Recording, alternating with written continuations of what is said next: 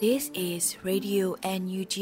the voice of National Unity Government of Myanmar, broadcasting for Myanmar's Spring Revolution. Radio NUG is transmitting from shortwave 16 meter 17.79 megahertz at 8:30 a.m. and 25 meter 11.94 megahertz at 8:30 p.m. Myanmar Standard Time. မင်္ဂလာပါရှင်။အမျိုးသားညီညွတ်ရေးအစိုးရရဲ့အတန်လွတ်ဌာန Radio NUG ကိုမန္တပိုင်း၈နိုင်ခွဲမှာလိုင်းတူ6မီတာ19.3ခွန်ကုန်းမဂါဟတ်စ်နဲ့ညပိုင်း၈နိုင်ခွဲမှာလိုင်းတူ25မီတာ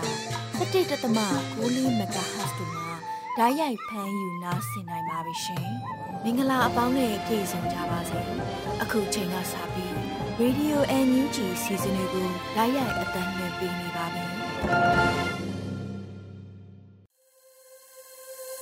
မြန်မာနိုင်ငံသူနိုင်ငံသားအပေါင်းတဘာဝပေးဆရာနာရှင်ပေးတို့ကနေကင်းဝေးပြီးကိုစိတ်နှပါပေးကင်းလုံခြုံကြပါစေလို့ရေဒီယိုအန်ယူဂျီဖွယ်သားများကဆုတောင်းမေတ္တာပို့သလိုက်ရပါတယ်။အခုချိန်ကစပြီးကာကွယ်ရေးဝန်ကြီးဌာနရဲ့စီးရေးသတင်းချင်းချုပ်ကိုတော့မျိုးဦးလင်ကမှဖတ်ကြားတင်ပြပေးပါရမရှင်။ကာကွယ်ဝင်ကြီးဌာန အမျိုးသားညီညွတ်ရေးဆိုရမှာဩဂတ်စ်လ6ရက်နေ့2022ခုနှစ်ထုတ်ဝေတဲ့စစ်ရေးသတင်းချင်းချုပ်ကိုတင်ဆက်ပြီးတော့မှဖြစ်ပါတယ်။စစ်ကောင်စီတပ်သား18ဦးကြာဆုံးပြီး42ဦးထိခိုက်ဒဏ်ရာရရှိခဲ့ကြောင်းသတင်းရရှိပါရခင်ဗျာ။စစ်ကောင်စီနဲ့တိုက်ပွဲဖြစ်ပွားမှုသတင်းတွေကိုတင်ဆက်ပေးကြပါမယ်။ရှမ်းပြည်နယ်မှာ ဩဂတ်စ်လ3ရက်နေ့မှ9ရက်နေ့အထိနောင်ချိုမြို့နယ်ရတနာတင်ကြီးကျေးရွာနီးမှာဖြစ်ပွားခဲ့တဲ့စစ်ကောင်စီနဲ့ပြည်သူ့ကာကွယ်တပ်မတော်မန္တလေးတို့တိုက်ပွဲတွင်စစ်ကောင်စီတပ်ဖွဲ့ဝင်6ဦးသေဆုံးခဲ့ပြီး30ဦးကျော်ဒဏ်ရာရရှိခဲ့ကြောင်းသတင်းရရှိပါရခင်ဗျာချင်းပြည်နယ်မှာဩဂတ်စ်လ9ရက်နေ့ကဟာခါမြို့နယ်ဟာခါမြို့ရှိခလာယာ266ဗျူဟာကုန်းမှဆင်းလာတဲ့ စစ်ကောင်စီတပ်သားများကိုဒေသခံကာကွယ်တပ်ဖွဲ့များမှပြစ်ခတ်တိုက်ခိုက်ခဲ့ရာ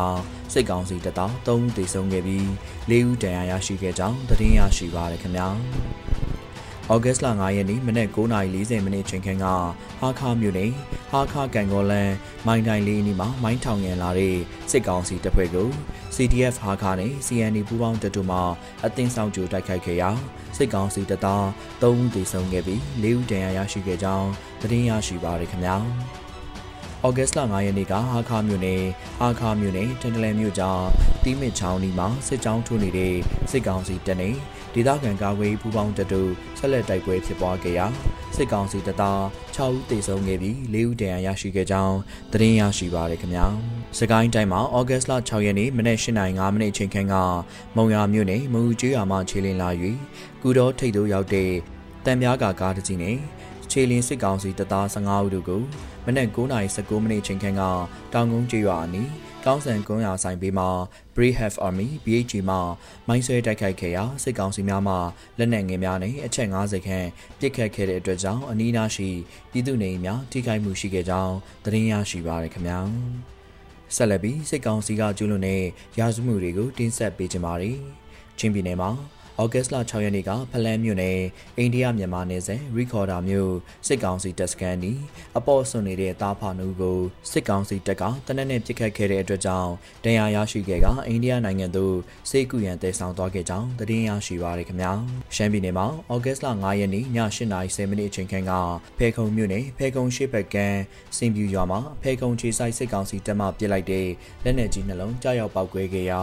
နေအိမ်သုံးလုံးလက်နက်ကြီးထိမှန်ခဲ့ပြီးဒေသခံရွာသားတူဒဏ်ရာရရှိကတိတ်ဆုံးသွားခဲ့ကြောင်းသတင်းရရှိပါရခင်ဗျာရခိုင်ပြည်နယ်မှာဩဂတ်စ်လ9ရက်နေ့ည7:00နာရီခန့်ကကြောက်ဖြူမြို့နယ်ကြောက်ဖြူမြို့ငလပွေတရားပေါ်မှာကြောက်ဖြူခြေဆိုင်ခလာရ34တရင်မှာတပ်သား20ခန်းနဲ့ရဲ9ဦးတို့ကအဲဇင်းအကြောင်းပြချက်ဖြင့်ဒေသခံဦးစောစောအောင်ဦးမျိုးတန့်ကျော်ခေါ်စိတ်ဖြူကောင်းဦးညီညီဦးဘူဘူနဲ့ဦးစေရထွန်းတို့ကိုဖမ်းဆီးသွားခဲ့ကြောင်းသတင်းရရှိပါရခင်ဗျာ ရန်ကုန်တိုင်းမှာဩဂတ်စ်လ9ရက်နေ့ကတရုတ်ဆောင်တင်စာဝင်းကျော်နဲ့မော်ဒယ်နန်းမွေစံနှုတို့ကို electronic ဥပဒေပုံမှာ33ကာကြီးနဲ့အမှုဖွင့်ကဖမ်းဆီးထိန်းသိမ်းထားခဲ့ကြောင်းသတင်းရရှိပါရခင်ဗျာ။ဩဂတ်စ်လ9ရက်နေ့ကအင်းစိန်အချင်းတောင်တွင်တရားရုံးမှာစစ်ကောင်စီမှဖမ်းဆီးထားတဲ့စီးပွားရေးတက္ကသိုလ်ကျောင်းသားကိုကျော်ထက်အောင်ကိုသက်အောင်မူမုံရစီးပွားရေးတက္ကသိုလ်ကျောင်းသူဟောင်းမမိုးမြင့်စုခေါ်ရှလောင်နဲ့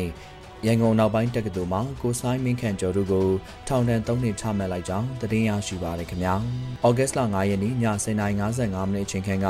လှိုင်မြို့နယ်17ရက်ကွယ်ဓမ္မယုံလမ်းမှာစစ်ကောင်စီဖွဲ့ဝင်များမှ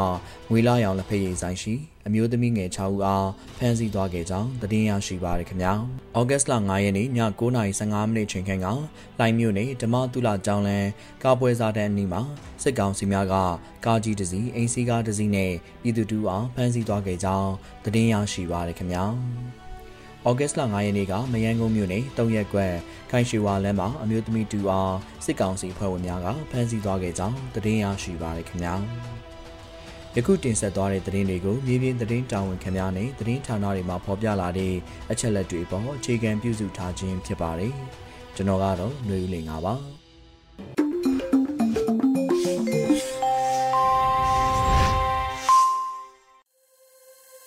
ဗီဒီယိုအမြင့်ကြီးရဲ့မနက်ခင်းစီစဉ်တွေကိုဆက်လက်တင်ပြနေပါတယ်။အခုဆက်လက်ပြီးနားဆင်ကြရမှာကတော့နောက်ဆုံးရသတင်းများကိုရေဦးနှင်းစီမှဖတ်ကြားတင်ပြပေးပါမယ်ရှင်။မင်္ဂလာပါရှင်။အခုချိန်ကစပြီးရေဒီယို UNG ရဲ့မနက်ပိုင်းသတင်းများကိုတင်ဆက်ပေးပါတော့မယ်။ကျွန်မကတော့ຫນွေဦးနှင်းစီပါရှင်။အမျိုးသားညီညွတ်ရေးအစိုးရဗဏ္ဍာရေးကမရှင်အစည်းအဝေးကျင်းပတဲ့သတင်းကိုတင်ဆက်ပေးပါမယ်။ အမျိုးသားညီညွတ်ရေးအစိုးရဗဏ္ဍာရေးကမရှင်အစည်းအဝေး6မြင်းဆောင်2022ကျင်းပခဲ့ပါတယ်။ဩဂုတ်လ6ရက်နေ့အမျိုးသားညီညွတ်ရေးအစိုးရဗဏ္ဍာရေးကမရှင်အစည်းအဝေး6မြင်းဆောင်2022ကိုနနက်10:30မိနစ်အချိန်မှာကျင်းပခဲ့ပါတယ်။အစည်းအဝေးမှာဗဏ္ဍာရေးကမရှင်ဥက္ကဋ္ဌယာယီသမ္မတကြီးဒူဝါလရှိလာနဲ့ ဒုဥက္ကဋ္ဌဝန်ကြီးချုပ်မန်းဝင်းခိုင်တန်းတို့ကအတီးတီအဖွင့်အမှားစကားပြောကြားခဲ့ကြပါတယ်။ထို့နောက်စီမံကိန်းဗဏ္ဍာရေးနှင့်ယင်းနှိမ့်မြုပ်နှံမှုဝန်ကြီးဌာနတွင်လုပ်ငန်းဆောင်ရွက်ထားရှိမှုအခြေအနေများဝန်ကြီးဌာနများနှင့်ကမရှင်ကမတီအသီးသီးတို့မှလျှာထားဘတ်ဂျက်သုံးစွဲမှုအခြေအနေများထပ်တူဘတ်ဂျက်တင်ပြတောင်းခံမှုများနှင့်ရှေ့လုပ်ငန်းစဉ်အနေဖြင့်တော်လှန်ရေးအဆုံးသတ်နိုင်ရေးအတွက်အချိန်ကာလတစ်ခုသတ်မှတ်ပြီး ဗဏ္ဍာရေးအစီအမံများဆောင်ရွက်ထားရှိမှုအခြေအနေများကိုတင်ပြဆွေးနွေးခဲ့ကြပါတယ်။ထို့နောက်အစည်းအဝေးသို့တက်ရောက်လာသောတာဝန်ရှိသူဗဏ္ဍာရေးကမရှင်အဖွဲ့ဝင်များမှဝိုင်းဝန်းဆွေးနွေးအကြံပြုခြင်း၊တရားရပါချက်များသုံးသပ်ခြင်းအတည်ပြုခြင်းများဆောင်ရွက်ခဲ့ကြပါတယ်။ယင်းနောက်ဗဏ္ဍာရေးကမရှင်ဥက္ကဋ္ဌနှင့်ဒုဥက္ကဋ္ဌတို့မှမှတ်ချက်များညီကုန်းချုပ်အမှားစကားများပြောကြားပြီးအစည်းအဝေးကိုအောင်မြင်စွာရုပ်သိမ်းခဲ့ပါတယ်ရှင်။ ပြည်ထောင်စုလွှတ်တော်ကိုစားပြုကမတီနဲ့ Kitchen Political Intern Coordination တင် KPICT တို့တွဲဆုံဆွေးနွေးတဲ့သတင်းကိုတင်ဆက်ပေးပါမယ်။ပြည်ထောင်စုလွှတ်တော်ကိုစားပြုကမတီနဲ့ Kitchen Political Intern Coordination တင် KPICT တို့တွဲဆုံဆွေးနွေးခဲ့ကြပါတယ်။ပြည်ထောင်စုလွှတ်တော်ကိုစားပြုကမတီနဲ့ KPICT တို့တွဲဆုံဆွေးနွေးပွဲကိုဩဂုတ်လ၄ရက်နေ့မှာဗီဒီယိုကွန်ဖရင့်မှာတဆင့်ကျင်းပခဲ့ကြပါတယ်။အစည်းအဝေး၌ပြည်ထောင်စုလွှတ်တော်ကိုစားပြုကမတီဥက္ကဋ္ဌကအဖွင့်အမှာစကားပြောကြားပြီးနောက် KPICT မှတာဝန်ရှိပုဂ္ဂိုလ်တို့က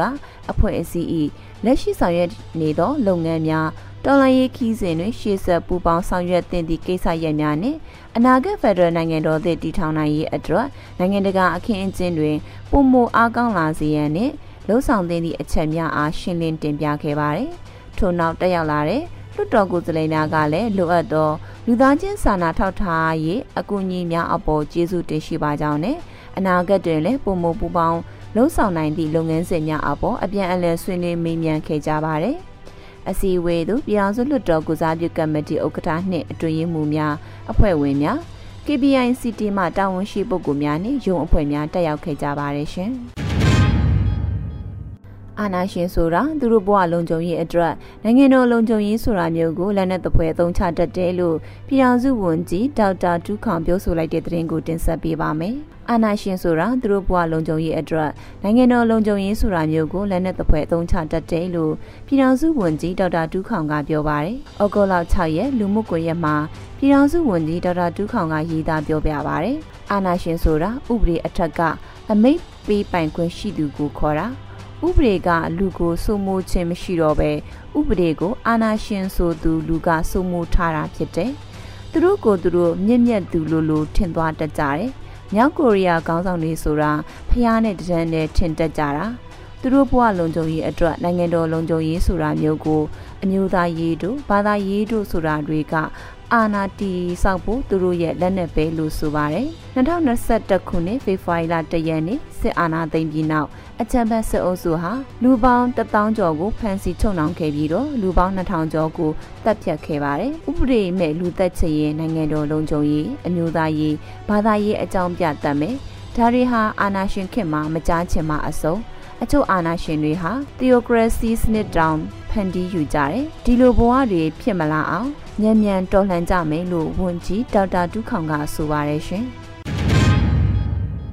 နိုင်ငံတကာသတ်မှတ်ထားတဲ့စစ်ပွဲဆိုင်ရာကြက်ဝတ်များကိုပေါ်ပေါ်တင်တင်နဲ့အဆက်မပြတ်ကျူးလွန်နေတဲ့အကြမ်းဖက်စစ်ကောင်စီကိုအရေးယူဆောင်ရွက်မှုများအမြန်ဆုံးလှုပ်ဆောင်ရန်လိုအပ်နေပြီလို့ လူအခွင့်ရေးရာဝန်ကြီးပြောဆိုတဲ့သတင်းကိုဆက်လက်တင်ဆက်ပေးပါမယ်။နိုင်ငံတကာကသတ်မှတ်ထားတဲ့စစ်ပွဲဆိုင်ရာကြက်ဝတ်များကိုပေါ်ပေါ်တင်တင်နဲ့အဆက်မပြတ်ကျူးလွန်နေတဲ့အကြမ်းဖက်စစ်ကောင်စီကိုအရေးယူဆောင်ရွက်မှုများအမြန်ဆုံးလှုပ်ဆောင်ရန်လိုအပ်နေပြီလို့လူအခွင့်ရေးရာဝန်ကြီးဦးအောင်မျိုးမင်းကဆိုပါတယ်။ဩဂုတ်လ6ရက်နေ့မှာလူမှုကွန်ရက်မှာလူအခွင့်ရေးရာဝန်ကြီးကရေးသားပြောကြားပါတယ်။နိုင်ငံတကာကသတ်မှတ်ထားတဲ့စစ်ပွဲဆိုင်ရာကျင့်ဝတ်များကိုပေါ်ပေါ်တင်တင်နဲ့အဆက်မပြတ်ကျူးလွန်နေတဲ့အ ကြမ်းဖက်စစ်ကောင်စီကိုနိုင်ငံတကာအနေနဲ့အရေးယူဆောင်ရွက်မှုများအမြင့်ဆုံးလှုံ့ဆော်ရန်လိုအပ်နေပြီဖြစ်ပါတယ်လို့ဆိုပါတယ်။အကြမ်းဖက်စစ်ကောင်စီ၏အနောက်မြောက်တိုင်းစစ်ဌာနချုပ်နာမခတက်ကစကိုင်းတိုင်းမြင်းမှုမြို့နယ်လက်ပံကျင်းကျေးရွာအား2022ခုနှစ်ဩဂုတ်လ1ရက်နေ့တွင်လေကြောင်းတိုက်ခိုက်မှုပြုလုပ်ခဲ့ပါတယ်။အဆိုပါလေကြောင်းတိုက်ခိုက်မှုကြောင့်ဒေသခံရွာသား6ဦးသေဆုံးပြီးတာသနိကအဆောက်အုံဖြစ်တဲ့ကျေးရွာဓမ္မယုံနဲ့ ပြည်သူ့ကျန်းမာရေးစေကံစတင်ကြောင်းတို့ထိခိုက်ပျက်စီးခဲ့ပါတယ်။ကျေးရွာအတွင်းမှာပြည်သူပိုင်ပစ္စည်းများကိုအကြမ်းဖက်ဖျက်ဆီးမှုများပြုလုပ်ပြီးတပ်ပြန်လဲဆုတ်ခွာရမှာလဲရွာသား14ဦးကိုလူသားတိုင်းအဖြစ်စစ်ကောင်စီဝတ်စုံများအတင်းအဓမ္မဝတ်ဆင်စေပြီး၎င်းတို့၏အထုပ်များတဲခိုင်းပြီးဖမ်းဆီးခေါ်ဆောင်သွားခဲ့ပါတယ်ရှင်။ စိုက်ပျိုးရေးမွေးမြူရေးနဲ့ဆယ်ညောင်းဝန်ကြီးဌာနမှအမှုထမ်းအရာထမ်း121ယောက်ကိုပြည်ထောင်စုဝန်ကြီးချုပ်အမိန့်နဲ့အမိဖြတ်စည်ရင်သွင်းကဝန်ထမ်းအဖြစ်မှထုတ်ပယ်လိုက်တဲ့သတင်းကိုတင်ဆက်ပေးပါမယ်။စိုက်ပျိုးရေးမွေးမြူရေးနဲ့ဆယ်မြောင်းဝန်ကြီးဌာနမှအမှုတန်းအရာတဲ့121ယောက်ကိုပြည်ထောင်စုဝန်ကြီးချုပ်မန်းဝင်းခိုင်တန်အမိန့်နဲ့အမိဖြတ်စည်ရင်သွင်းကဝန်ထမ်းအဖြစ်မှထုတ်ပယ်လိုက်ပါတယ်။ဩဂုတ်လ6ရက်နေ့မှာပြည်ထောင်စုသမ္မတမြန်မာနိုင်ငံတော်အမျိုးသားညီညွတ်ရေးအစိုးရ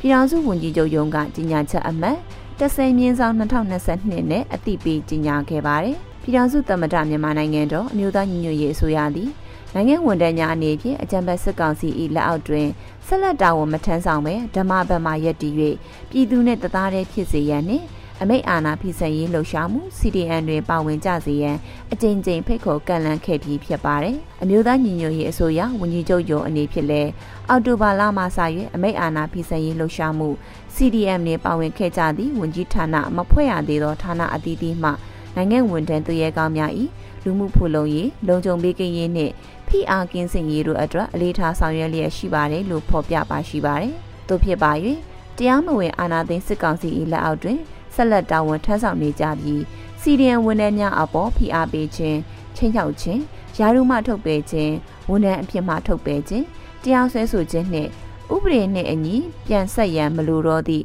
လားစာချင်းငွေများအားအတင်းအဓမ္မပြန်လဲဆက်ခိုင်းခြင်းများစသည့်အမျိုးမျိုးသောဖိနှိပ်မှုများကိုကျွလွန်နေသောစိုက်ပျိုးရေးမွေးမြူရေးနှင့်ဆက်မြောင်းဝန်ကြီးဌာနဆယ်မြောင်းနှင့်ရေအသုံးချမှုစီမံခန့်ခွဲရေးဦးစီးဌာနမှဝန်ထမ်းများအားအမိဖြတ်စရင်သွင်းလိုက်ပြီးဝန်ထမ်းအဖြစ်မှထုတ်ပယ်လိုက်တယ်လို့ကြေညာခဲ့ပါတယ်ရှင်။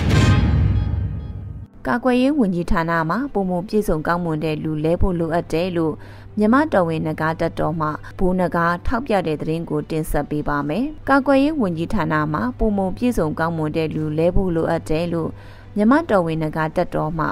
ဘူနဂါထောက်ပြပြောဆိုလိုက်ပါတယ်။စစ်ရေးနဲ့ပတ်သက်လို့အငိမ့်နဲ့တွေ့ဆုံမိမြရာမှာ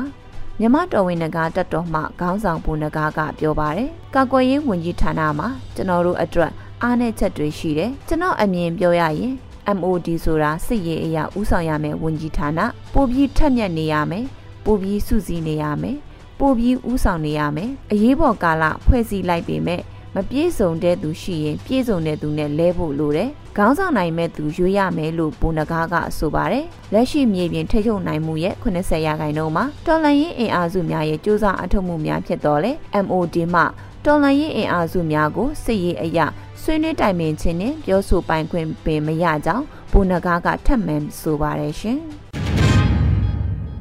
ငွေကျပ်သိန်း200တဲ့ M4 rifle တနက်တလက်ဝယ်ယူနိုင်ပြီလို့တိုင်ငါကင်းပျောက်ကြားတပ်ဖွဲ့အသိပေးတဲ့သတင်းကိုတင်ဆက်ပေးပါမယ်။ငွေကျပ်300တဲ့ M4 rifle တနက်တလက်ဝယ်ယူနိုင်ပြီလို့တိုင်ငါကင်းပျောက်ကြားတပ်ဖွဲ့အသိပေးစကားဆိုပါတယ်။ဩဂုတ်လ6ရက်နေ့မှာဝယ်ယူရရှိတဲ့ M4 rifle တနက်ကိုထုတ်ဖော်ပြသခဲ့ပါတယ်။ကျွန်တော်တို့တက်ရင်15တိုင်ငါကင်းပျောက်ကြားတပ်ဖွဲ့အတွက်မောင်းပြန်ဝယ်ယူနိုင်ရေးအတွက် ပါဝင်ကူညီပေးကြသောမိဘပြည်သူများနှင့်ကလစ်ကာများကိုအထူးပင်ကျေးဇူးတင်ရှိအပ်ပါတယ်။မောင်းပြန်တက်လက်အမြန်ဝယ်ယူနိုင်အောင်အဓိကကူညီပံ့ပိုးခဲ့သော The PDF Game ကစားသမားများနှင့် Up Strike အဖွဲ့သားများကိုလည်းအထူးပင်ကျေးဇူးတင်ရှိပါတယ်လို့ဖော်ပြပါတယ်။တက်ရင်15တိုင်ဂါကင်ဤပထမဆုံးသော M4 Rifle တလက်ကိုဝယ်ယူနိုင်ခဲ့ပြီးဖြစ်ပါတယ်။အခုဝယ်ယူခဲ့သော M4 Rifle ဤဈေးနှုန်းမှာ300ရှိပါတယ်။ The PDF Game စော့ကစားခြင်းကလည်း PDF များကိုအခုလိုလက်နက်ဝယ်ယူနိုင်ဖို့အထောက်အပံ့များစွာဖြစ်စေတယ်လို့ဆိုပါတယ်ရှင်။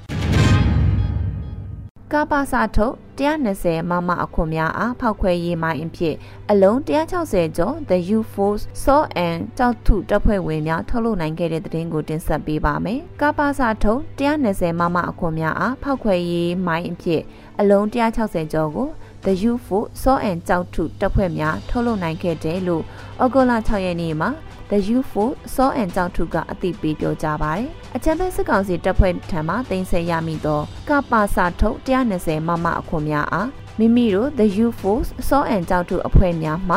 ဖောက်ခွဲရေးမှအဖြစ် ထုတ်လို့အသုံးပြုလျက်ရှိပါတယ်လို့ဆိုပါတယ်။ကပါစာထုတ်120မမအခွန်များတင်ဆက်ရမိသောနေမှာစ၍ယနေ့အချိန်အထိစုစုပေါင်းအလုံးရေ160ကျော်ထုတ်လုပ်နိုင်ခဲ့ပါတယ်။အဆိုပါထုတ်လုပ်ခဲ့သောမိုင်းများအဖြစ်အကြံဖက်စစ်ကောင်စီတပ်ကိုခုခံတိုက်ခိုက်လျက်ရှိကြောင်းထုတ်ပြန်ပါတယ်ရှင်။ရတာဖ25 မကွေးတရင်မှရဲတက်ချက်မင်မင်ဆိုရောဒေတာပြည်သူ့ကာကွယ်ရေးတပ် YDF ရောတို့ခိုလုံဝင်ရောက်ခဲ့တဲ့တဲ့ရင်ကိုတင်ဆက်ပေးပါမယ်။ရတာဖ25မကွေးတရင်မှရဲတုတက်ချက်မင်မင်ဆိုရောဒေတာပြည်သူ့ကာကွယ်ရေးတပ် YDF ရောတို့ခိုလုံဝင်ရောက်ခဲ့ပါတယ်။ဩဂုတ်လမှာရောဒေတာပြည်သူ့ကာကွယ်ရေးတပ် YDF ရောက CDN ဝင်လာတဲ့ရဲတုတက်ချက်အချက်အလက်ကိုထုတ်ပြန်ပါတယ်။မေလ6ရက်နေ့ 2022ခုနှစ်တွင်ရတာဖ25မကွေတရင်မှကိုပိုင်အမတ်လ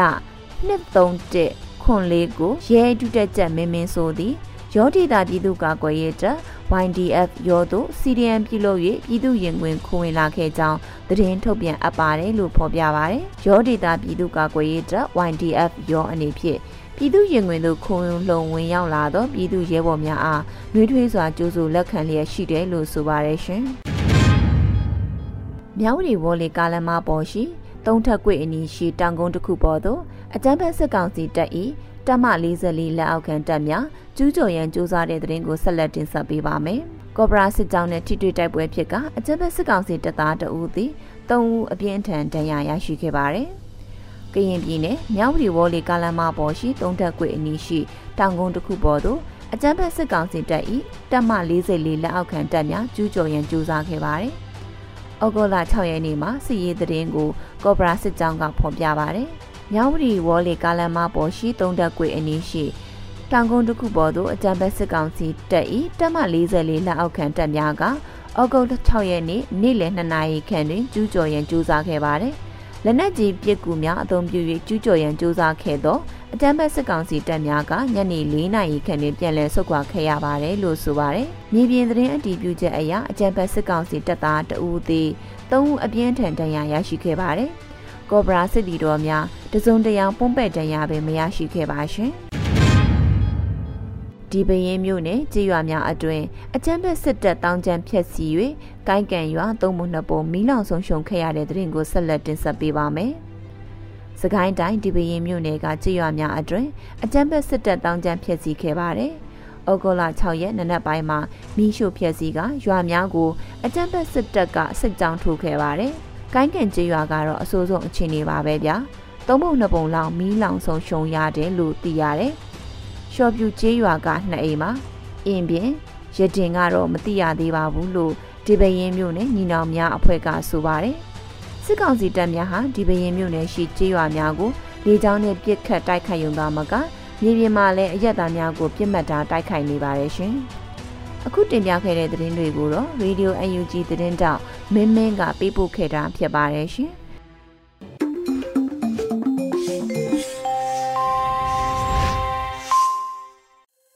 ရေဒီယိုအန်ယူဂျီပရိသတ်တွေအတွက်ကူးဆက်လက်ပြီးထုတ်လွှင့်ပေးမယ့်အစီအစဉ်ကတော့ PPTV ရဲ့နေ့စဉ်သတင်းများကိုထက်ထက်အင်ဒရာအောင်မှဖတ်ကြားတင်ပြပေးပါရမရှင်။အခုချိန်ကစပြီး PPTV သတင်းတွေကိုတင်ဆက်ပြီးတော့မှာပါ။ကျွန်မထက်ထက်အင်ဒရာအောင်ပါ။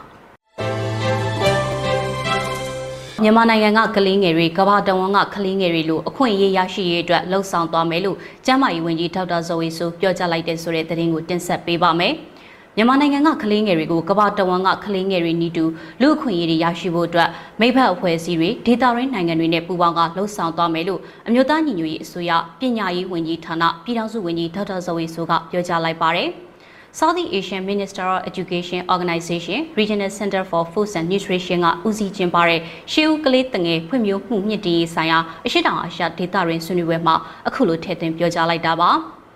မြန်မာနိုင်ငံမှာရှိတဲ့ကလေးငယ်တွေကကမ္ဘာတော်မှာရှိတဲ့ကလေးငယ်တွေအားလုံးဤတူငြိမ်းချမ်းစွာပညာသင်ကြားနိုင်ရေးကျန်းမာတန်ဆွမ်းပြီးအာဟာရပြည့်ဝရေးကာဝယ်ဆေးအချိန်ပြည့်ရရှိစေရေးစားနပ်ရိက္ခာဖူလုံမှုရရှိရေးစတဲ့အခွင့်အရေးတွေကိုရရှိသင့်သည့်ဖြစ်ရာအမျိုးသားညီညွတ်ရေးအစိုးရအနေနဲ့မိဘအဖွဲ့အစည်းတွေဒေသရင်းနိုင်ငံတွေနဲ့ပူးပေါင်းကကြိုးပမ်းဆောင်ရွက်သွားမှာဖြစ်တယ်လို့ဒေါက်တာဇော်ဝေဆိုးကပြောကြားခဲ့တာပါ။ ရှေးဦးကလေးတငယ်ဖွံ့ဖြိုးမှုမြင့်တင်ရေးဆိုင်ရာအရှိတောင်အာရှဒေတာရင်းဆွေးနွေးပွဲကိုဩဂတ်စ်လ၁ရက်နေ့မှာပြုလုပ်ခဲ့တာဖြစ်တယ်လို့ကျန်းမာရေးဝန်ကြီးဌာနကဩဂတ်စ်လ9ရက်နေ့မှာသတင်းထုတ်ပြန်ခဲ့တာပါ Regional Forum ကိုမြန်မာ၊ဘရူနိုင်း၊ကမ်ဘောဒီးယားလာအိုအင်ဒိုနီးရှားမလေးရှားဖိလစ်ပိုင်ထိုင်းနဲ့စင်ကာပူစတဲ့အရှေ့တောင်အာရှဒေသရင်းနိုင်ငံ၉နိုင်ငံကကျန်းမာရေးဝန်ကြီးဌာနပညာရေးဝန်ကြီးဌာနတို့ကကိုယ်စားလှယ်စုစုပေါင်း62ဦးတက်ရောက်ဆွေးနွေးခဲ့တယ်လို့သိရပါဗျ။ အခုတခါတင်ဆက်ပေးမှာကတော့အမေးလက်ဆောင်အမေးရတောင်အစီအစဉ်နဲ့စကိုင်းမကွေးချင်းနဲ့ကရင်ပြည်ဒေသတွေကစစ်ဆောင်ပြည်သူတွေကိုကူညီမယ်ဆိုတဲ့သတင်းမှာနိုင်ငံတော်ရဲ့အတိုင်ပင်ခံပုဂ္ဂိုလ်ဒေါအောင်ဆန်းစုကြည်အမျက်တနိုးအုံပြုခဲ့တဲ့ရက်တောင်လေးကိုရမငွေရှာဖွေကြဖို့အတွက်အမေးလက်ဆောင်အမေးရတောင်အစီအစဉ်ကိုပြုလုပ်မှာဖြစ်ပြီးတော့အဲ့ဒီကရရှိလာတဲ့ရန်ပုံငွေတွေကိုစကိုင်းမကွေးချင်းနဲ့ကရင်ပြည်ဒေသတွေကစစ်ဆောင်ပြည်သူတွေအတွက်ကူညီပေးသွားမှာဖြစ်ပါတယ်။ အဲ့ဒီစီစဉ်ကိုအမျိုးသားညီညွတ်ရေးအစိုးရလူသားချင်းစာနာထောက်ထားရေးနဲ့ဘေးရန်ရေးဆိုင်ရာစီမံခန့်ခွဲရေးဝန်ကြီးဌာန OFP နဲ့ Global Fundraiser Group GFG တို့ပူးပေါင်းလှုပ်ဆောင်ကြတာလည်းဖြစ်ပါတယ်။အမေတော်အောင်ဆန်းစုကြည်အသုံးပြုခဲ့တဲ့ရက်တောင်လေးဟာမြန်မာပြည်တနန်တရာခီးစဉ်ဒီမှာအမေနဲ့အတူလိုက်ပါခွင့်ရခဲ့တဲ့အမေမြင်လို့တဲ့ရက်တောင်လေးဖြစ်တာမို့အမေငွေသက်တေရာနှုံးပြည့်လွှမ်းမိုးခဲ့တဲ့ရက်တောင်လေးဖြစ်ပါတယ်။ အမေကိုရာသီဥတုအပူဒဏ်ကကာကွယ်ပေးခဲ့တဲ့ဒီရက်တောင်လေးဟာအခုချိန်မှာပြည်လုံးကျွတ်ခံစားနေရတဲ့တောကအပူမီတွေကိုငြိမ်းအေးစေဖို့အကောင်းဆုံးအထောက်ပံ့ဖြစ်စီမှာတည်ကြပါတယ်လို့ရန်မငွေရှာဖွေရေးလှုပ်ဆောင်နေသူတွေကပြောကြားထားပါတယ်။အမေလက်ဆောင်အမေရက်တောင်အစီအစဉ်အတွက်လက်မှတ်တွေကိုတော့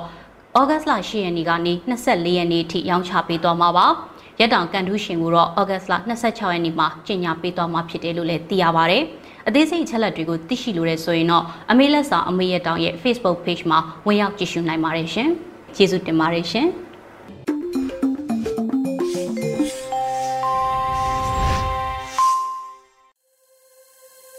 ရေဒီယိုအန်ဂျီပရိသတ်တွေအတွက်အခုနောက်ဆုံးနားဆင်ကြရမယ့်အစီအစဉ်ကတော့တိုင်းရင်းသားဘာသာစကားနဲ့သတင်းထုတ်လွှင့်မှုအနေနဲ့ချိုးချင်းဘာသာစကားပွဲတစ်ခုဖြစ်တဲ့မွန်ဘာသာစကားဖြင့်သတင်းထုတ်လွှင့်မှုကိုနားဆင်ကြရတော့မှာဖြစ်ပါတယ်။ ဒီစီစဉ်ကို Radio NUG နဲ့ချိုးချင်းဘာသာစကားသတင်းထုတ်လွှင့်မှုခွဲတို့ကပူးပေါင်းတင်ဆက်ထားတာဖြစ်ပါတယ်ရှင်။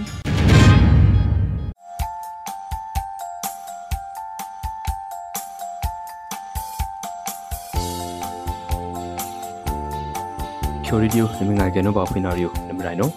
အတူငွေခုကုမ်ဖရမ်ကူလမ်ကူလီရီအောက်ကစမ်တူပိချာခရငမြမကိုကရုံလာခဘုံကောင်ထူရီမိငိုင်ဘာဘာခင်ရောလဘကီနီအတုငွေမိ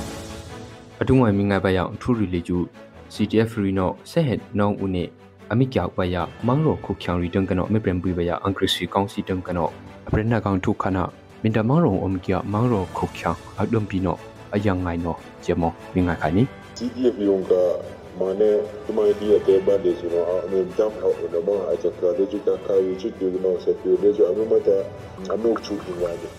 ချီတီယာအင်္ဂရိစီကောင်စီတန်ကနောအနာအရူပရကနာ ndu ana phua amimi alimna omkia CTF ri om kya kong CRF bino teng khajia aprena kang thu phi minga khai ni လာစီလာစီကျွန်တော်တို့ထောက်ပံ့သွားဖို့ရှိတယ်ဒါမဲ့အကုန်လုံးတစ်ခါတည်းနဲ့မပေးနိုင်တာမို့လို့အာဒီတလအတွင်းမှာမျိုးလုံးတစ်ဖက်စလုံးရှုံရှုံတဲ့ဟာနောက်တော့မနောက်လာအတွင်းဆိုတော့ဘယ်လိုဆို judia gamble mangro mangro unaka angum jang kano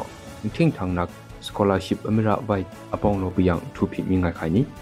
judia anu biyang thu le ju အ မေရိကန်ကိုဘတ်စကတ်ဘောရုချောင်းဟူမီတမတ်ရုရှားခိုတန်ကနောထောင်းအကျုံဘယခုကုကိုအပွိနာအော်ဖီဂျာအန်ထူရီချကီနီ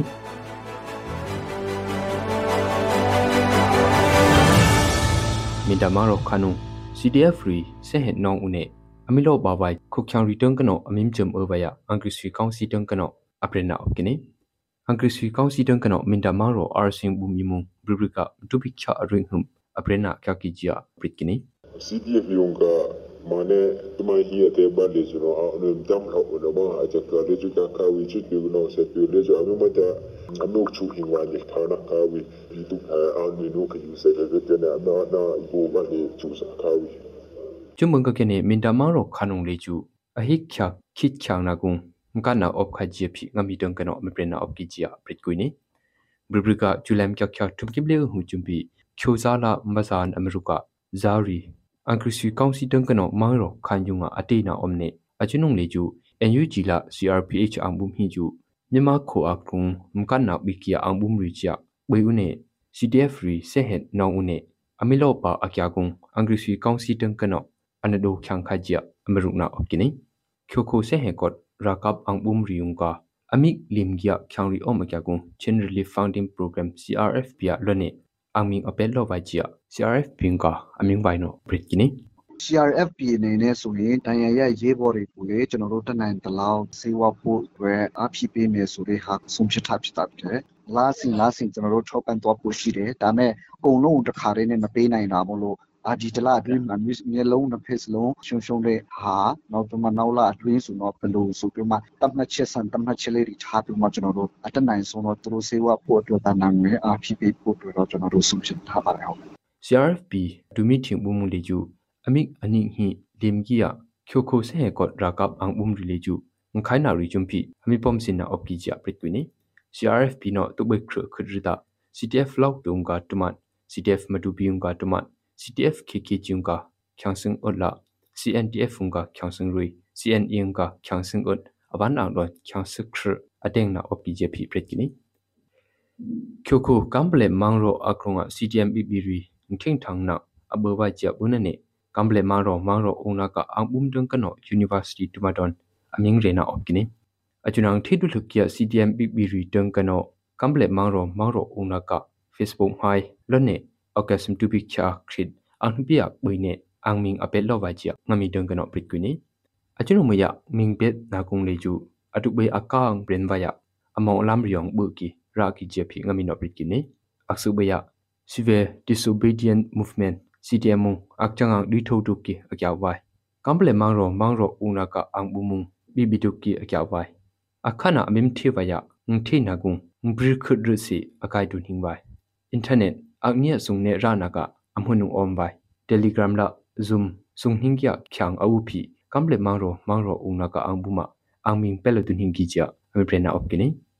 american khung basketball ru ro humi britnew kina le ju ရုရှားခိုကမရင်သမ်ရှိရီစေပွေကြီးကြရုရှားခိုအန်ဘုံတန်ကနောဒူဘီချောက်ဖိငုံထောင်းခကု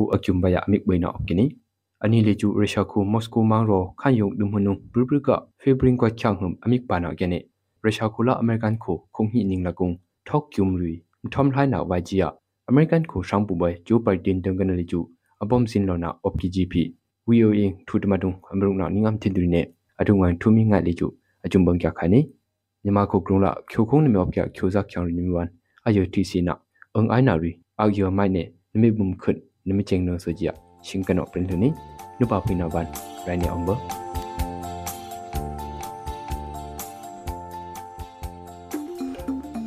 ကနေ့ကတော့ဒီညနေပဲ Radio NUG ရဲ့အစီအစဉ်လေးကိုခေတ္တရ延လိုက်ပါမယ်ရှင်မြန်မာစံတော်ချိန်မနေ့၈နိုင်ခွဲနဲ့ည၈နိုင်ခွဲအချိန်တွေမှာပြောင်းလဲဆိုပြကြပါလို့ရှင် Radio NUG ကိုမနေ့ပိုင်း၈နိုင်ခွဲမှာလိုင်းတူ16မီတာ19.7 MHz နဲ့ညပိုင်း၈နိုင်ခွဲမှာလိုင်းတူ25မီတာ17.6 MHz တို့မှာ